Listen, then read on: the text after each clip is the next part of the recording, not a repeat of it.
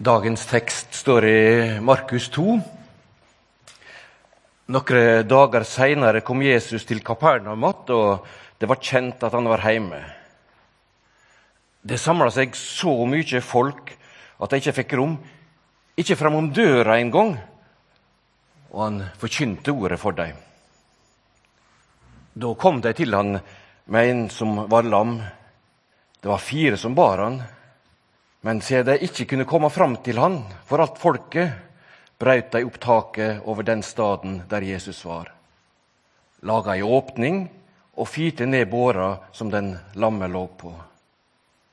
Da Jesus så trua deres, sa han til den lamme, Sønn, syndene dine er tilgjevne.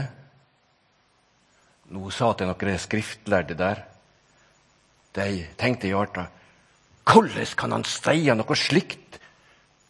Han spotta Gud. Hvem andre kan tilgi synder enn én? Det er Gud. Straks visste Jesus i ånda at de tenkte slik, og han sa til dem, Hvorfor går det med slike tanker i hjertet? Hva er lettest? Å si til den lamme, syndene dine er tilgjevne, eller stå opp, ta båra di og gå? Men for at jeg skal vite at menneskesonen har makt på jorda til å tilgi synder. Og nå taler han til den lamme. Så sier jeg deg, stå opp, ta båra di og gå heim. Da reiste mannen seg, tok straks båra si og gikk ut framfor de alle, så de var trent fra seg av undring. De lova Gud og sa, noe slikt har vi aldri sett. Slik lyder Herrens ord. Skal vi be. Kjære himmelske Far. Takk for uh, ditt ord, og takk for det du har gjort. Ikke bare i fortiden, men hva du også gjør i nåtid og framtid. Gjør ditt ord levende for oss. Amen. Hvordan forkynne håp og framtid i møte med helsesvikt og tap.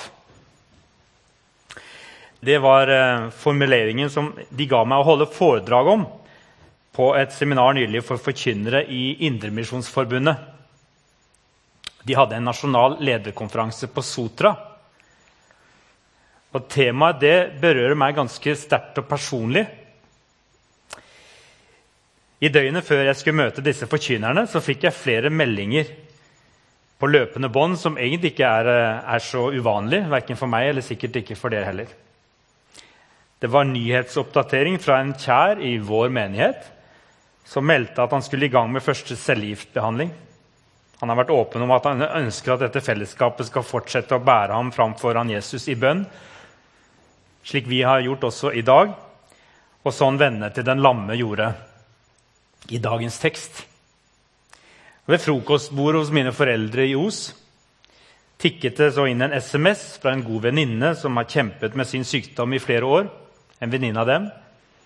Det har vært oppturer og nedturer. Hun takket for forbønn.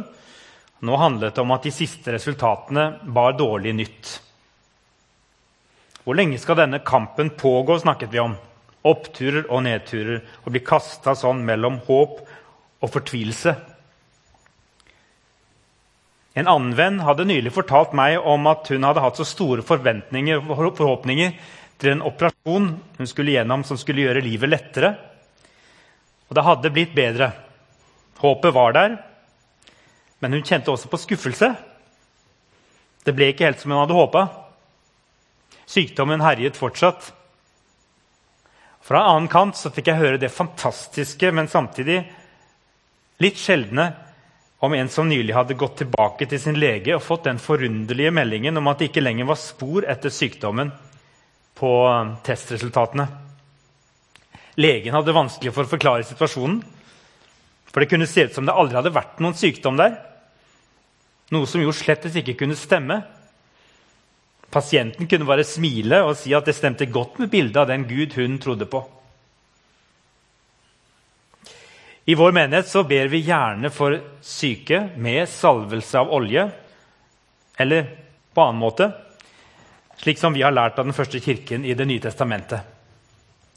Og Det er egentlig noe av det fineste jeg får lov til å være med på. Vi erfarer at bønnesvar kan komme på mange forskjellige måter. Vi har ikke behov for å gjemme bort denne tjenesten. Den hører helt naturlig med til virksomheten vår, selv om vi kanskje ikke annonserer i avisa. Men kanskje vi skulle være enda mer frimodige på å ha bestemte tider og steder hvor vi gjør dette tilgjengelig. Og det snakker vi om.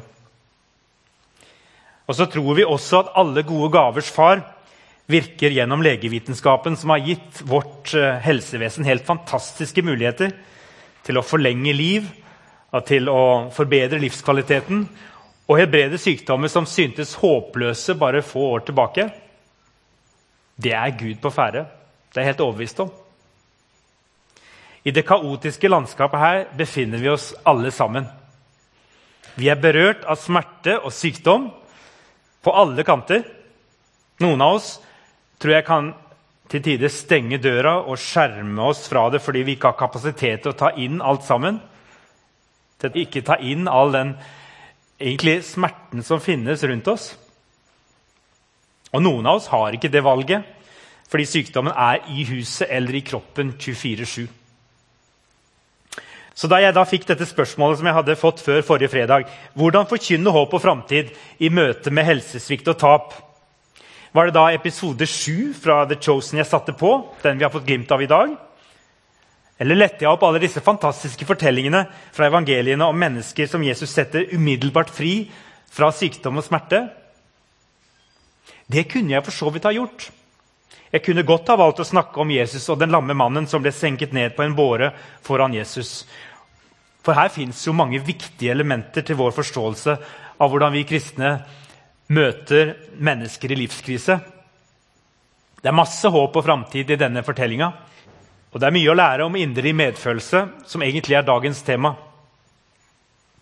Så jeg vil være litt i denne teksten. For det første den inderlige medfølelsen hos disse vennene til den lamme mannen, som insisterte på at han hadde rett til å være inne i det huset nær Jesus Han hadde like stor rett som de andre, de som bare kunne spasere rett inn. Og de trenger seg på. Selvfølgelig skal vennen deres inn. Han også. For et engasjement og for en tro. Har vi et sånt engasjement på vegne av de menneskene som eh, lider rundt oss? Og så for det andre den inderlige medfølelsen hos Jesus, som tilsynelatende alltid har tid for den ene og som her viser sin guddommelige empati, som betyr å lide med, evne til medlidelse. Han ser denne mannen med nedsatt funksjonsevne, vil vi kanskje si i dag. Og han føler ikke bare med han. Han bærer ikke bare det vonde og vanskelige sammen med han. han. Han gjør noe med selve situasjonen hans også. Dette altfor trange privathuset i Kapernaum, som Jesus forkynte ordet i, det ble fra et øyeblikk til et annet omgjort til et hospital, der en jeg tror, vilt fremmed fikk oppleve Jesu berøring. Og drevet og inspirert av Jesu evne til fordomsfri og inderlig medfølelse, så begynte de første kristne å bygge sånne hospitaler som kunne hjelpe å lindre syke og mennesker med nedsatt funksjonsevne. Bønn og omsorg det gikk hånd i hånd helt fra den første kristne tid. Det faktum at det skjedde, det forteller oss også at de første kristne hadde lært noe veldig vesentlig av Jesus.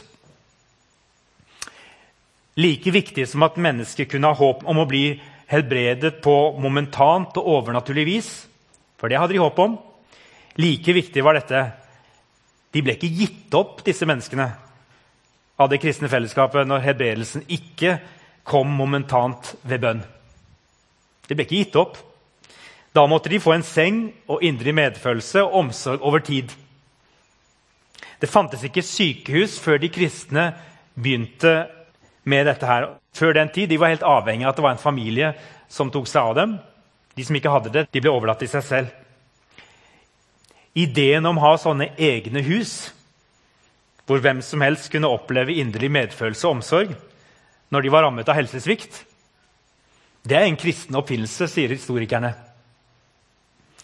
Hospital det er en eldre betegnelse for, for et hjem for fattige, gamle, syke og uføre, som det heter.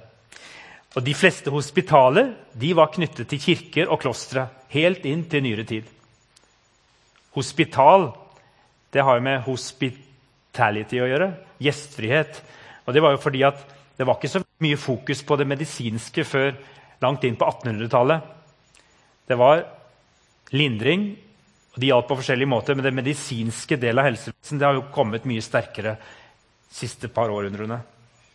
Men det var fokus på gjestfrihet. Uavhengig av om man kjente dem fra før, så tok man mot de som led. Og det var det kirken som gikk foran og bygde opp et helsevesen slik vi kjenner i dag. Alt dette kan jeg forkynne om ut fra denne nydelige teksten fra Markus 2. Og det vil jo handle veldig mye om håp og framtid, det. I møte med helsesvikt og tap. Når jeg forkynner om det på den måten her. Men hvorfor var det likevel ikke denne og tilsvarende sånne hebreelsestekster jeg først og fremst gikk til når jeg skulle snakke med disse forkynnerne forrige fredag? Hvorfor viste jeg dem ikke episode 7 fra The Chosen? Jeg elsker denne episoden fordi filmskaperne har virkelig klart å få fram så mye av det fine og vakre som kan ha foregått rundt disse helbredelseshistoriene. Og de får oss til å huske hvem Jesus virkelig er. Det er jo han vi tror på. Dette er Jesus. Det er han som fortsatt lever. Det er ikke noe av dette som ikke er sant. Men i møte med kronisk sykdom og smerte så har vi lært noe gjennom årene om god og dårlig forkynnelse. Og fordi mange mennesker som opplever helsesvikt og tap, har vært utsatt for ganske mye dårlig forkynnelse i møte med hebredelsestekster i Bibelen, så er det ikke nødvendigvis disse fortellingene det er så lett å gå til. Det er ikke de det er så enkelt å bruke. Og det vil jeg snakke litt om for dere i dag. Men jeg forlater ikke Markus 2 helt enda. Se for dere det rommet der Jesus var den dagen. Det var et trangt rom, for det var fullt av mennesker. står det. Fullt av mennesker. Det var sikkert dårlig luft der inne, sånn rent fysisk. Men likevel så må de ha pustet en ny form for frihet der inne. For Jesus han klarte noe som veldig mange av oss etterfølgerne hans ikke får til. I hvert fall ikke når vi opptrer én og én.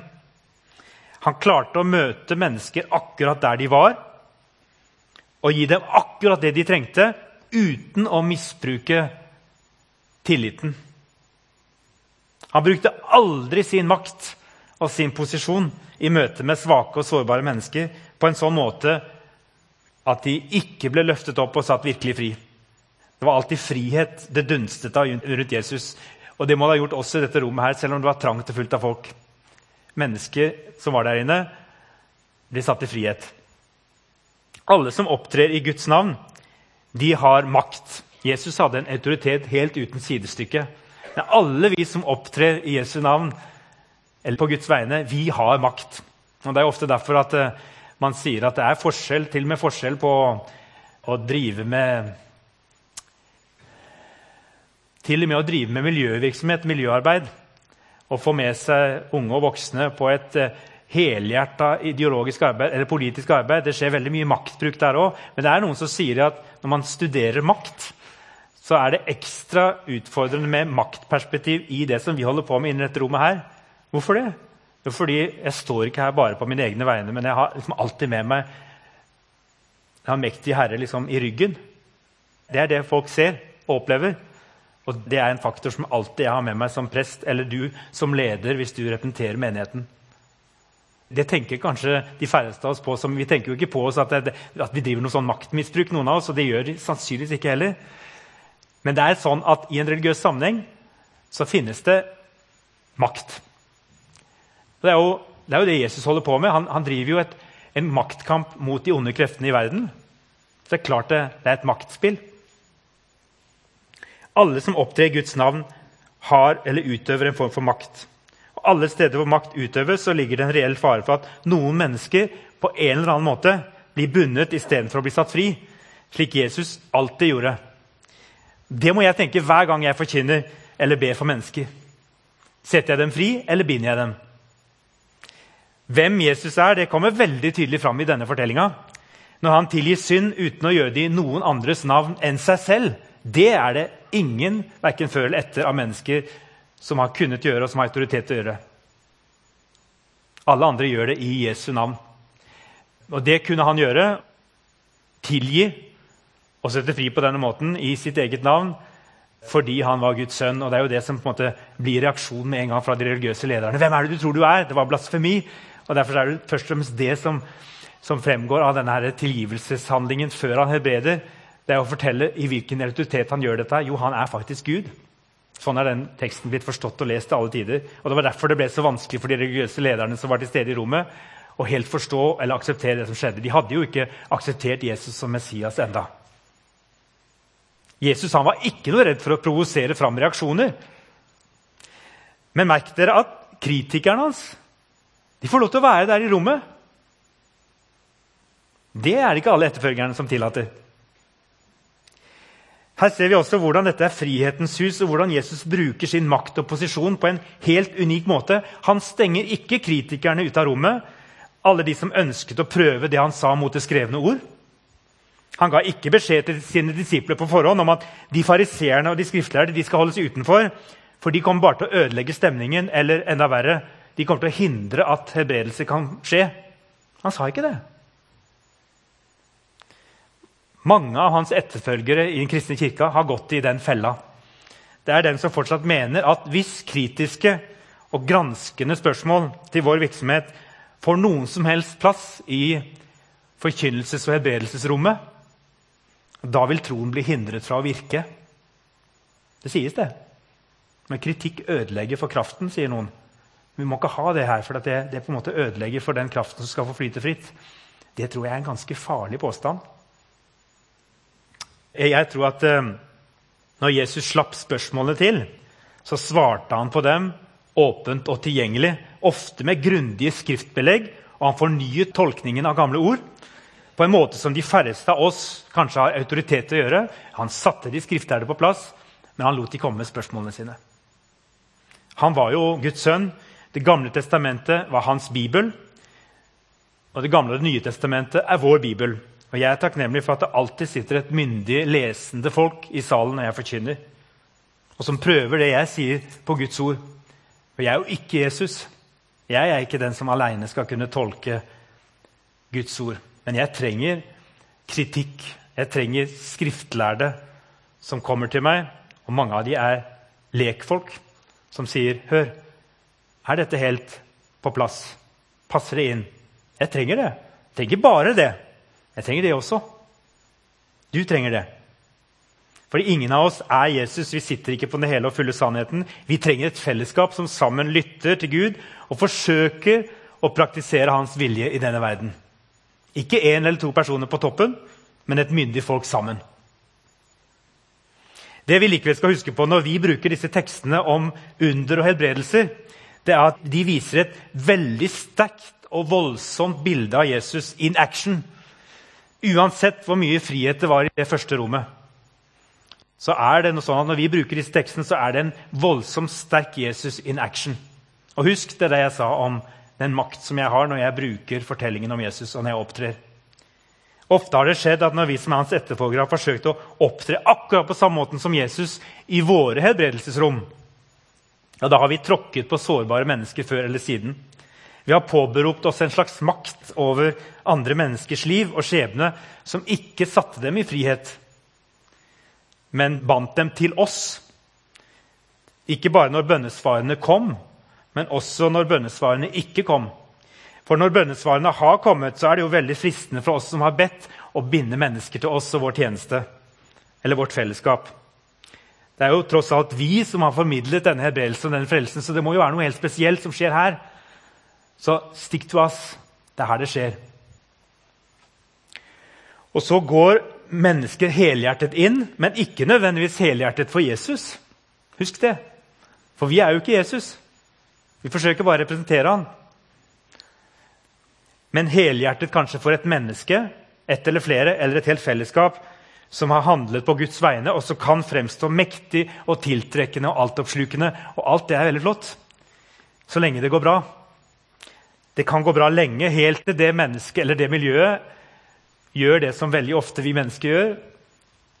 Vi viser vår menneskelighet. Og Derfor er det å forvalte helbredelsens kraft og mulighet i andre menneskers liv det er en stor og krevende oppgave som iallfall jeg prøver å ta på største alvor og med stor ydmykhet på egne vegne. Vi kan aldri kreve at Gud handler ved hjelp av vår tro. Jeg har vært til stede i rom der, i Brasil, også i Norge, der det høres ut som det bes bønner der man nærmest krever at Gud skal handle gjennom oss. For de har lært et eller annet sted at maktspråk er viktig fordi vi skal på en måte rope dette ut på en sånn måte at dette, dette skjer her og nå. Og da er det ikke lenger frihetens hus. Da forsøker vi på en måte å tvinge Gud til å handle slik vi ønsker. Og jeg tror det også ofte er nettopp da, når det utvikler seg, at han over tid begynner å trekke sin velsignelse tilbake. Og det kan skje med oss også. I det øyeblikket vi påberoper oss og på en måte forvalter på en særskilt måte Guds handlinger i denne verden. La oss sette to framtredelsesformer av Jesus opp mot hverandre. To former som ikke står i motsetning til hverandre, men som kanskje utfyller hverandre, og som gir oss en anledning til å spørre oss hvilken Jesus er det et menneske trenger faktisk å møte i den situasjonen de er i. Kanskje det gjelder deg i dag. Hvilken Jesus er det dypest sett du trenger å møte der du er i dag? Den ene er den mektige og sterke som helbreder, og som løser dine problemer, og som gir klare og tydelige svar og som ikke etterlater seg noe usikkerhet, ingen tvil. En som egentlig bare gir deg som menneske én mulighet, og det er underkastelse og etterfølgelse. Og Den utgaven er jo veldig nærliggende når man står rett overfor et, et voldsomt under som på en måte snur helt opp ned på livet. Og Jeg sier ikke at dette er en gal del av Jesus. Noen ganger så er det sånn mennesker har sagt at jeg, jeg bare ramla over ende og tok bare imot. For det var bare en helt voldsom opplevelse i mitt liv, og det er et før og et etter. Og jeg har bare kunnet gå helhjertet inn for Jesus. Jeg har også møtt de som har hatt den erfaringen. Og så, og så er det noe på veien etterpå som kan ha gått i stykker, og så må vi hjelpe hverandre til å måte, faktisk tolke også de erfaringene. Hva var det som skjedde, og hva var det som var utelukkende godt i det som skjedde, og hva var det som var menneskelig der òg? Men det andre bildet det er den tilsynelatende svakere utgaven av Jesus. Den som ikke løser mine umiddelbare problemer raskt. Den som skaper store, åpne rom rundt oss, noen ganger til frustrasjon og ergrelse. Fordi vi ba om noe sterkt og entydig, og i stedet så fikk vi noe litt sånn vagt og flertydig. Vi vil, ha, vi vil ha rene ord for pengene. Jesus, gjør akkurat det som på en måte vi tror du kan. Men det er bare det at det, eh, i det rommet så får vi lov til å puste i frihet og lytte like mye innover i oss selv som utover mot våre omgivelser. Og vi beholder på en måte oss selv i prosessen. Og Det er fascinerende at Lukas, som er forfatter både av Lukas' evangeliet og apostelgjerningene, han gir oss faktisk begge utgavene av Jesus. Har dere lagt merke til det? Det er ikke noe enten-eller her. I oppstandelsestekstene så er det det som noen kaller for en litt mer sånn myk utgave av Jesus vi møter. Det er jo voldsomt at han kommer igjen og står opp fra de døde. Men legg merke til at i flere av de tekstene og jeg tror det er fordi at de på en måte beskriver litt av ikke bare det som skjedde de 40 dagene, men beskriver litt av det kristne livet etter at Jesus på en måte ikke lenger går og er synlig blant oss. Det er noe litt sånn noe litt sånn eh, diffust her. Legg spesielt merke til f.eks teksten i Lukas 24 med Emmaus-vandrerne. Det var den teksten jeg valgte å, å, snakke mest om forrige fredag. Hvordan kan vi møte mennesker som opplever helsesvikt og tap? Og Da, da greip jeg til Emmaus-vandrerteksten. Jeg skal ikke bruke veldig mye tid på den nå, men bare gi dere noen få poenger. Denne beretningen den har som flere andre evangeliefortellinger både en sånn enkel rett fram-forståelse og så har den dypere lag av mening. Den er fortalt for å gi de kristne et bilde av det å leve som kristen på livsveien, også en generasjon etter at Jesus viste seg for de første disiplene. Hva er det Jesus gjør i denne fortellinga her? Jo, han, han, dukker opp og går ved siden av to mennesker i dyp livskrise. Han gir seg ikke til kjenne. Hvorfor kommer han ikke inn i situasjonen som den sterke og mektige som umiddelbart setter alt på plass og gjør ferdig det tullet men De går der og tenker, og de forstår ikke, de grubler. Hvorfor kunne ikke Jesus bare si 'Hei, det er meg'? Og så kan kanskje gjøre et under, få opp stemninga, sette alt på plass. 'Jeg er tilbake. Nå setter vi i gang. Fullt kjør.' Nei, gjør ikke det. Han går der, og så lytter han til dem, og så driver de og prøver å forstå. De, de snakker om det som har skjedd. De snakker om alt, står det. Ingenting, og det synes jeg er et godt bilde på det at det, alt kan snakkes om der Jesus og vennene hans går. Han lytter til deres forvirrede tanker. Og så går han veien om skrifter i Det gamle testamentet. Altså Jesu bibel og disiplenes bibel, for Det nye testamentet fantes jo ikke. Og så underviser han dem i ordet. Forklarer han dem hva de ikke har sett. Og hva de ikke har skjønt om hvem han er, hvem han var. Og så deler han måltid sammen med dem. Og ikke før han bryter brødet, så kjenner de han igjen. Det er det øyeblikket Jesus velger å åpenbare seg. akkurat i det øyeblikket brødet brytes. Og I stedet for å bruke den muligheten til å gjøre det helt sånn overtydelig at ja, det er jeg som sitter og bryter brødet, jeg er Messias som har kommet tilbake, så blir han usynlig for dem med en gang. Han forsvinner. Først når de reflekterer i etterkant over hva de har vært med på, så plasserer de puslespillbitene riktig inn. De får på en måte lov til over tid å se de erfaringene de har vært gjennom. og se, men Kan det ha vært Jesus? Ja, det var Jesus. Og så er det deres egen stemme som får lov til å fortelle det og sette ting på plass. Ikke gjennom en sånn voldsom manifestasjon, men det er akkurat som han gir dem det der lille rommet til å finne ut av dette selv. Og Det som avgjør saken for dem, det er da hovedsakelig to ting. Han forankra sitt nærvær og beviste sin legitimitet gjennom det skrevne gudsordet. Altså noe veldig rasjonelt og etterprøvbart. Det står skrevet at Messias skulle lide. Dere har ikke forstått det. Dere trodde at eh, Jesus bare skulle være en seirende, eller Messias skulle være en som seiret. og Dere trodde han skulle være en politisk maktperson. Dere hadde ikke skjønt Skriftene. Gå tilbake og lese. Det er her det står. Vi må nytolke og forstå dette på nye måter. Det var det Jesus gjorde. Forankra i det som sto om ham. Og det må vi også gjøre. Vi må hele tiden forankre det vi holder på med, både i Det gamle og Det nye testamentet. Og så, For det andre så åpenbarte han seg gjennom noe så latterlig enkelt som brød og vin. Det forunderlig enkle, banale, konkrete og samtidig kraftfulle tegnet som vi i dag kaller for nattvær. Ingen fiksfakserier, ingen mektige gjerninger, ingen maktdemonstrasjoner overhodet.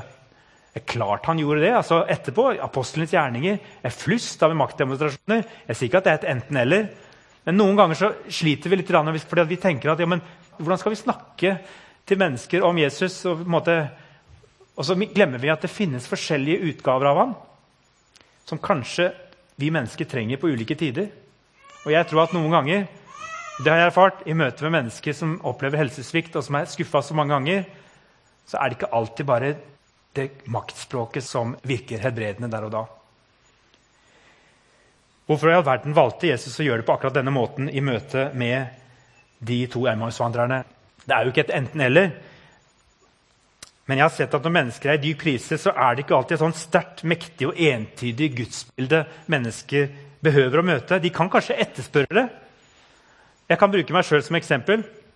Jeg kunne i min depresjon rope til Gud at jeg ville at han skulle ordne opp og vise sin kraft så raskt som mulig. Jeg kunne nærmest trua med at jeg ikke ville tro på han lenger hvis han nå ikke viste hva han var god for. Og Likevel så var det i mitt tilfelle ikke egentlig det jeg trengte. For det hendte nemlig at det dukket opp mennesker i min nærhet som forsøkte å gi meg nøyaktig det jeg trodde jeg ba om. En gang kom det en som slo helt entydig fast at denne depresjonen var djevelens verk. Og en kraftfull bønn til Gud var eneste løsningen. Og jeg lot ham be. Jeg var svak og sårbar, så han fikk jo slippe til. Du kom jo på Guds vegne. Kom igjen. Og jeg gikk hjem med en forferdelig redsel for at jeg var forlatt av Gud og overlatt til den onde. For jeg hadde jo ikke opplevd å bli helbredet. Og her fantes jo bare svart og hvitt i det rommet han hadde invitert meg inn i. Det var bare svart-hvitt. Den disippelen han møtte min sykdom med enten-eller-svar. Og For ham handla det ene alene om en åndskamp mellom to krefter, der Gud var sterkere enn djevelen. Dette kan fikses. Det handla bare om å trykke på de rette knappene, sånn at den mektige kunne bli gjeninnsatt på tronen i mitt liv. Og En trone som var blitt angrepet av onde makter, og det er her denne kampen må føres. Jeg fikk overhodet ikke fred den dagen. Jeg holdt på å bli revet i filler av å blitt plassert av denne velmenende kristne broderen. Dette er mange år siden, altså 20 år siden, eller 25 år siden. Av denne velmenende kristne broderen midt i denne kampen mellom det gode og det onde i mitt liv. For bønnen hans ga ikke noen umiddelbar respons, slik han nærmest lovet meg, og dermed ble jeg stående igjen i et trangt rom av tvil og fortvilelse. For når bønnen ikke hadde virket på meg, så måtte jo grunnen være at jeg var immun for Guds godhet. Bønnen hadde prellet av på meg, altså var jeg et lost case. I beste fall så var det forbederen som ikke var dyktig nok i faget. I verste fall, i verste fall så var det Gud som ikke var sterk nok til å løse mine problemer. Hvor skulle jeg da tro på han? Forbederen hadde satsa alt på det ene kortet, at Gud vil helbredelse. Og Jesus vil redde deg her og nå. Og når det ikke skjedde, da var jeg mer ensom og forlatt enn jeg var før den omsorgsfulle forbederen hadde kommet. Heldigvis så ble jeg i det tilfellet plukket opp av en annen bror som hjalp meg til å lete etter nyanser i hendelsen jeg hadde vært med på. Kanskje var ikke det bildet jeg hadde blitt presentert for, så entydig. Kanskje fantes det flere sider av denne saken enn bare svart-hvitt. Kanskje jeg skulle våge å gi Jesus tid til å vise meg hva han kunne gjøre i mitt liv gjennom denne sykdommen. Og kanskje var ikke djevelen en så viktig faktor i denne sykdommen som denne andre broderen hadde gitt uttrykk for. Dette som møtte meg i det andre møtet den dagen, det var et åpnere og mykere gudsbilde. Jeg fikk lov til å komme ut igjen i et litt større rom der jeg kunne puste, reflektere, være meg selv og undre meg. Og Der det første rommet hadde vært trangt, entydig, fylt med makt og kraft, så var det andre rommet mer åpent, undrende og fylt av frihet. En frihet som jeg kunne bruke til å lytte innover, søke Bibelen og gjøre det som en kristen skal gjøre uansett livssituasjon, både hverdag og fest. Ta imot nattverden og reflektere både over Jesu lidelse for meg og lidelse med meg på korset, da brødet hans kropp ble brutt. Og Jesus han forsoner alt som er revet i stykker i denne verden og i mitt liv. Alt det som har ført oss bort fra Gud. Og muligheten til å reflektere langsomt over nærværet av lidelse og smerte i denne verden. Akkurat der jeg er. Det å få lov til å ta imot dette brødet og denne vinen fra den oppstandes hender som et syrlig tegn på håpet om forløsning, en ny framtid som Jesus allerede har gått for å forberede for meg. Det der andre rommet det tilbød meg et bilde av Jesus som var bærekraftig, som kunne holde lenge, og som ga meg fred midt i det vanskelige. Og for meg som var syk, og for mange mennesker med kronisk sykdom, helsesvikt eller som står oppi tapsopplevelser, så er det faktisk ikke bare den sterke Jesus vi trenger. I hvert fall ikke den entydig sterke. For han kommer stort sett alltid sammen med sterke, feilbarlige mennesker. Og de kan noen ganger true vår frihet på en sånn måte at vi mister oss selv. Og Konklusjonen det er altså ikke å slutte å lage rom, frihetens rom, der vi ber om at Guds godhet skal gjøre seg synlig og nærværende.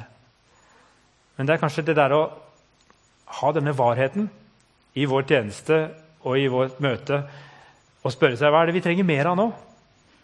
Trenger vi litt mer av denne positiviteten, optimismen og troen som jeg tror disse fire representerte, med liksom å ukuelig holde fast på at vi gir oss ikke. Vi bærer han inn, vi senker han ned. Jesus finnes, han kan. Altså Noen ganger så er det kanskje litt den andre. Spesielt hvis vi aner at kanskje den som ligger der, trenger en litt mykere utgave.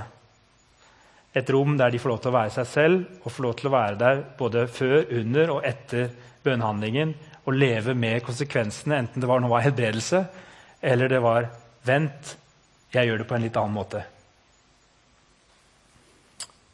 Ja, Det var det jeg hadde lyst til å dele med dere i dag.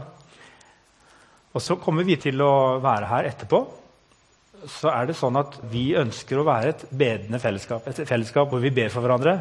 Og dere kan ringe meg eller andre i lederskap eller i cellegruppene for å kunne komme hjem til folk. Og jeg tror det er mulig å skape frihetens rom, frihetens hus, der vi ber, der vi har med oss noen av disse nyansene. Der det ikke er svart-hvitt, men der vi fortsatt tror at på gode dager så får vi lov til å handle på Jesu vegne. Og det har jeg tro på, for den Jesus som vi får presentert i The Chosen, det er den Jesus som fortsatt lever i dag. Han er like levende og reell fordi om han ikke handler i dag eller i morgen konkret på vårt bønnesvar. Fordi vi lever jo i evighetsperspektivet, og da vet vi jo at alt skal restaureres. Alt skal bli nytt.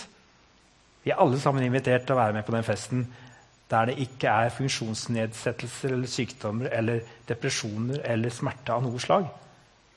Og Det er den store helbredelseshandlingen og dette frelsesprosjektet han holder på med å gjøre klart for oss. Skal vi be? Kjære Far. Hjelp oss til å erfare glimt av din eh, store godhet her og nå. Og bruk oss når du finner det for godt. Og takk for at du ikke er avhengig av oss engang. Du driver på i denne verden. ber vi om tilgivelse når vi noen ganger kan ha misbrukt den makten som ligger i det å snakke på dine vegne, på vegne av ditt ord, på vegne av de kreftene som eh, vi får når vi tar imot Den hellige ånd. Hjelp oss som kirke til å ikke minst dra ungdommer med inn i denne nye den muligheten til å gå helhjerta inn for deg og leve livet for deg. Og hjelp oss til å skape sånne frihetshus, frihetsrom, der de også får puste, og der de får reflektere, der de får være, være, være der i alt sitt mangfold og erfare din storhet over tid. Og at du vil dem vel alle slags dager, både i seier og i nederlag. Både når vi er høyt oppe, og når vi er langt nede. Du svikter oss aldri. I Jesu navn. Amen.